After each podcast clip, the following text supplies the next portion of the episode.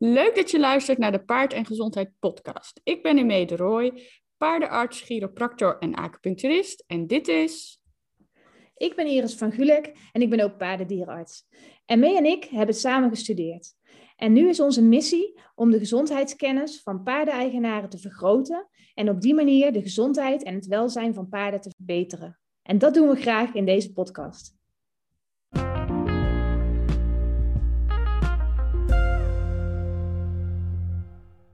Hadden het net over onze financiële administratie, maar daar mag ik niet over beginnen van ME. Nee, nou ja, dan komen ze erachter dat we niet heel geordend zijn altijd. Of niet altijd heel geordend, laat ik het zo zeggen. Super geordend. Het is pas 13 januari voor mijn BTW-aangifte, dat kan nog. Dat is op Dus, zich eh, heel netjes. Ja. Ja, dat, eh, maar ik vind het al stom werk, dus ik heb er geen zin in. Dus het staat echt al de hele week in mijn agenda. En dan elke dag wordt het doorgeschoven. ja. Dan denk ik, nu moet ik. Ja, nou ja, ik had, ik ben nooit zo van de goede voornemens, maar ik heb me nu wel toch soort van voorgenomen om vervelende klusjes gewoon meteen te doen. Oh, wat goed. Maar ik faal Lukt nu al. al? Nee. Je faalt nu al. Ja. Ja. Wil je ook delen waarin je gefaald hebt? Eh, nou ja, onder andere dus dit, de BTW-aangifte. Dus dan zeg maar daarna het betalen. Dat vind ik ook een stom klusje. Dus dat Ja, moet dat is pijnlijk. Ja, precies. Dus dat moet nog. Ehm, dus daarin heb ik vooral gefaald. Ja, en een beetje van dat papierwerk, administratiedingen, verzekering, ehm, pensioenfonds, aangifte en zo. Dat soort dingen. Allemaal niet leuk. Nee, maar je moet eigenlijk maar zo denken met die btw-aangifte die je moet betalen. Hoe meer je moet betalen, hoe meer paarden je hebt geholpen. Zo is het. Ja, daar gaan we voor. Ja, Maar vandaag gaan we het eh, niet over de btw-aangifte hebben, want dan haakt iedereen af, denk ik. ja We gaan het vandaag hebben over schiefels. precies. Ja, we hebben een paar keer vragen over gehad of we het daar een Ja. keer over wilden hebben. En dat willen we wel. Zeker weten. Ja. ja want we zien eigenlijk best veel paarden met eh schiefels. Ja. Ik wil niet zeggen alle paarden, maar ik denk dat de helft toch wel ergens een schiefel te vinden heeft. Oeh, is ja. overdreven? Ja, nou weet ik niet. De helft, dat klinkt als heel veel. Maar best wel veel paarden hebben wel ja, toch een klein schiefeltje ergens. Het is natuurlijk ook zo gebeurd, hè? Het ontstaan Ja. van een schiefel. Dus eh, de helft weet ik niet, maar wel veel. Ja, Ja, wel veel. Denk het ook. Ik heb, dit is ook meer mijn, eh, mijn dikke duimgevoel. ja snap mijn ik. dikke duimgevoel eigenlijk? Nee, maar ik snap wat je bedoelt. Ja. Een onderbuikgevoel. Je onderbuikgevoel, ja. Natte vingerwerk of Ja. onderbuikgevoel? Ik weet niet wat mijn dikke duim ermee te maken heeft. Misschien heeft hij ook een schiefel. Sorry. Nou, laten we iets nuttigs gaan vertellen. Ja, Ehm, dat maar is misschien- eigenlijk een schiefel. Ja, ik wou zeggen, laten we daarover beginnen. Precies, ja. En ik denk dat de meeste mensen of de meeste luisteraars wel een idee hebben. Maar laten we het nog inderdaad even vertellen. Eh, dat zijn dus zeg maar eigenlijk de bultjes of de bulten die je eh, best wel vaak ehm, aan de binnenkant van het onderbeen van je paard eh, ziet of kunt voelen. Ja, het zijn eigenlijk een soort botwoekeringen op het pijpbeen. Ja. En het pijpbeen is het bot dat tussen de kogel en de voorknie zit. Of tussen de kogel en de sprong aan het achterbeen. Want die schiefels kunnen eigenlijk aan de voor- en de achterbenen voorkomen. Ja. Ehm, en ook aan de binnen- en de buitenkant van het been. Alleen we zien het gewoon vaker aan de binnenkant. Ja. Ehm, en die eh botwoekeringen kunnen ook op het griffelbeentje zitten. En griffelbeentjes zijn dan weer twee kleine, dunne botjes eigenlijk, die aan weerszijden van het pijpbeen zitten. Dus als je het dan eventjes allemaal optelt, dan heeft een paard dus vier pijpbenen en acht griffelbeentjes. Klopt. Ja, niks aan toe te voegen. Ja. En dan, die schiefel is dan dus een harde verdikking op het onderbeen. Eh, en soms dan zijn ze heel klein. Eh, maar ze kunnen ook echt heel groot zijn dat je het echt al van een afstandje bij wijze van spreken ziet. En, ja, en hoe ontstaat het nu eigenlijk? Eh, het ontstaat doordat het botvlies geïrriteerd is geraakt. En het botvlies, dat is eigenlijk ja, een vliesje, een laagje over het bot heen. Ehm, en dat zorgt voor voedingsstoffen en bescherming van het bot. En door de irritatie die is ontstaan, ehm, gaat het nieuw bot aanmaken. En dat voel je dus als een bultje. Ja, zeker weten. En ja, die bultjes kunnen dus op verschillende manieren ontstaan. We zien ze vooral aan de binnenkant van de benen, omdat het ook door het aantikken van het eigen been, dus als de hoef tegen de binnenkant van het pijpbeen aankomt en dat gaat wat te hard, dan kun je daar dus al een schiefel van krijgen. Ehm, je kunt je voorstellen dat het natuurlijk ook ontstaat na bijvoorbeeld een ongeluk. Ehm, als een paard ja, ergens langs is geschoten, langs een hek, en hij heeft zijn been precies op die plek geraakt eh, waar dat botvlies eh, over dat pijpbeen heen ligt. Dan kan daar ook een bultje ontstaan. een trap van een ander paard is natuurlijk ook heel berucht. Ehm, vastliggen in de stal, dan kunnen ze ook hele rare dingen doen met hun benen. Ja, eigenlijk alles waarbij er trauma aan dat uh, onderbeen uh, komt, dan uh, krijg je een schiefel. En soms is dat trauma zo erg dat ook het griffelbeentje kan, kan breken zelfs. Want er zijn natuurlijk hele dunne botjes die zo langs het bot liggen. Dus die breken redelijk snel. Ja, precies. Ja. Um, en wat dan ook nog kan, behalve trauma, is ook dat er irritatie kan optreden door overbelasting eigenlijk. Uh, en dat is dan, um, ja, dan treedt er dus overbelasting op, bijvoorbeeld door um, te zware training op een slechte bodem of een afwijken, afwijkende beenstand. En dan treedt er irritatie op van de bezige verbinding tussen het pijpje, pijpbeen en het griffelbeen. En dat kan dus ook een oorzaak zijn voor zo'n irritatie van het botvlies en dus het ontstaan van een uh. Ja, zeker weten. En um, um, eerst ontstaat er eigenlijk een zwelling. Dus je moet je voorstellen dat er een zwelling ontstaat tussen het uh, botvlies en het bot eigenlijk. Uh, het botvlies wordt daar ook dikker op die plek. En uh, in eerste instantie zie je ook als je als dierenarts een röntgenfoto maakt nog geen nieuw bot. Het is niet dat hij vandaag uh, een normaal been heeft en morgen zit er een benige verbinding of een benige bult op dat bot. Dat gaat natuurlijk niet zo snel. Dat duurt heel lang voordat dat echt helemaal gemineraliseerd is, noemen we dat. Dus dat er bot in ontstaan is. Ehm, dus dat duurt later. Of dat duurt langer en dan later wordt het echt bot. En dan ontstaat er ook een, een blijvende harde zwelling. Ja, nou, en hoe kun je het nu herkennen, bijvoorbeeld als het net is ontstaan? Um, het kan dus zijn dat je paard uh, bijvoorbeeld acuut kreupel is. Uh, en dat, het ook, dat er bijvoorbeeld een pijnlijke plek uh, te lokaliseren is aan het been, dat dat te merken is. En je kan dat een beetje vergelijken met als je bijvoorbeeld een schop tegen je schenen um, hebt gekregen, als je een keer hebt gevoetbald zonder scheenbeschermers, dan, um, dan weet je dat. en dat doet natuurlijk heel veel zeer. Um, want je voelt dan eigenlijk een pijnlijke, warme uh, zwelling aan het been van je paard, want het is dan ook echt actief. En dan is het wel belangrijk om als je dat uh, voelt of als je dat opmerkt, om dan je dierenarts uh, ja, te bellen.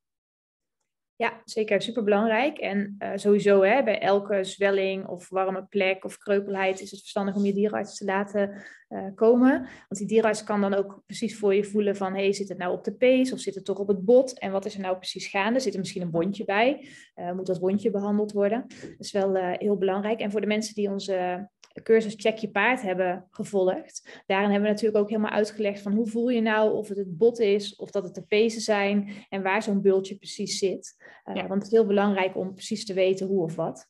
Ja, precies. Ja. Nou, en wat doet de dierenarts dan als hij bij je paard komt?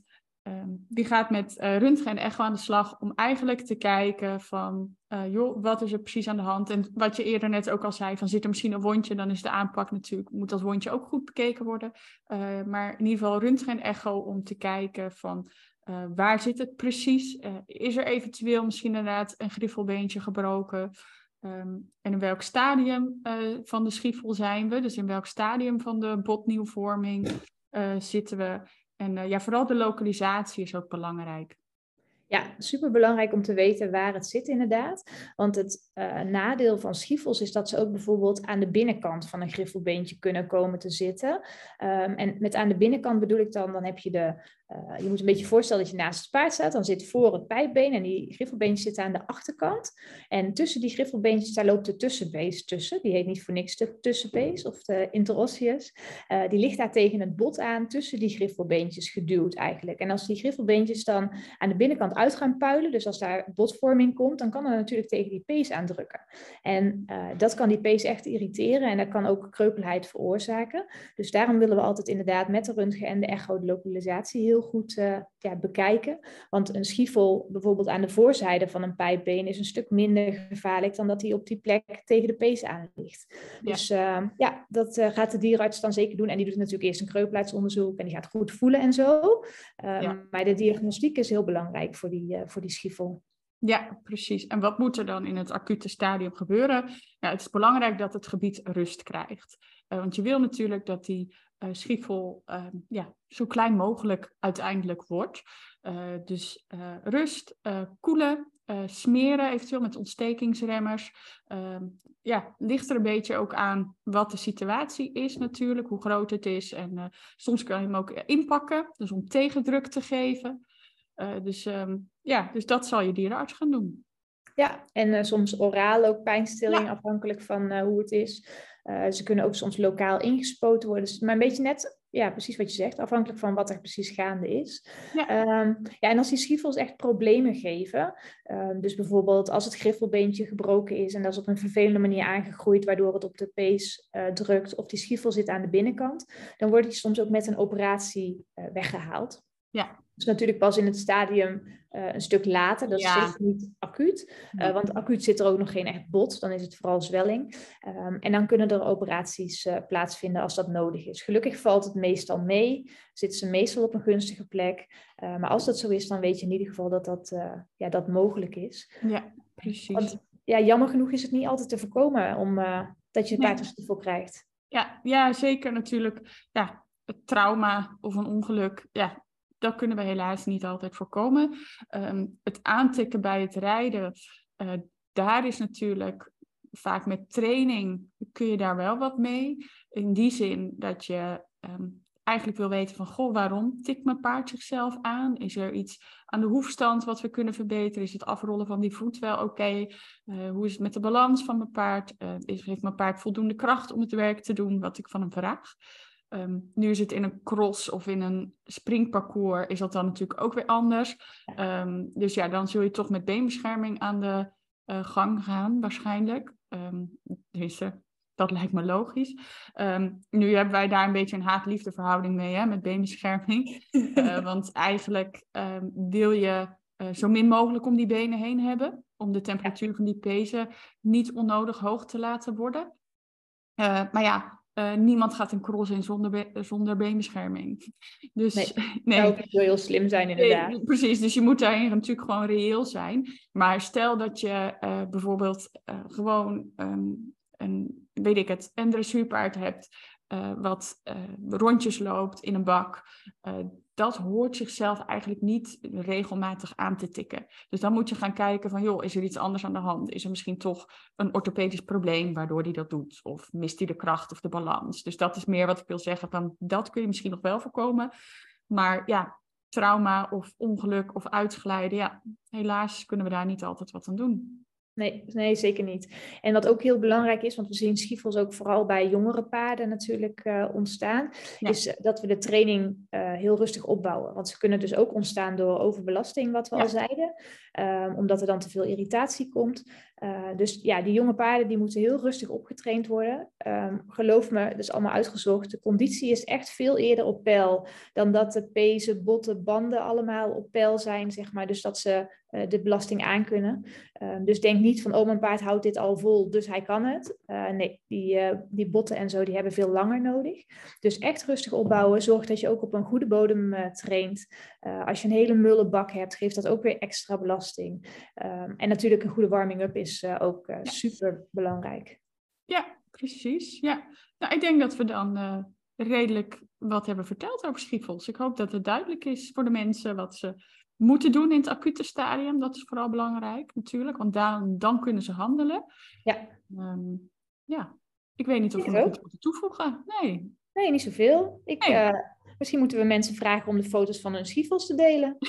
ja, precies. Ja, nou ja, eh, want als het, als het inderdaad zo is dat, dat jouw percentage, jouw dikke duimgevoel zou kloppen van 50%, dan zouden we heel veel schiffels uh, te zien moeten krijgen. Dus, uh, dus ik ben benieuwd inderdaad, deel ze met ons. Ja, als je deze podcast geluisterd hebt, dan uh, deel deze podcast en doe er een fotootje bij van de schiefel van je paard.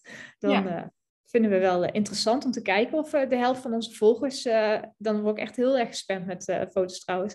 Nee, maar sowieso heel leuk. Ja, precies. Nou, ik uh, spreek je weer. Doei doei. Doei doei.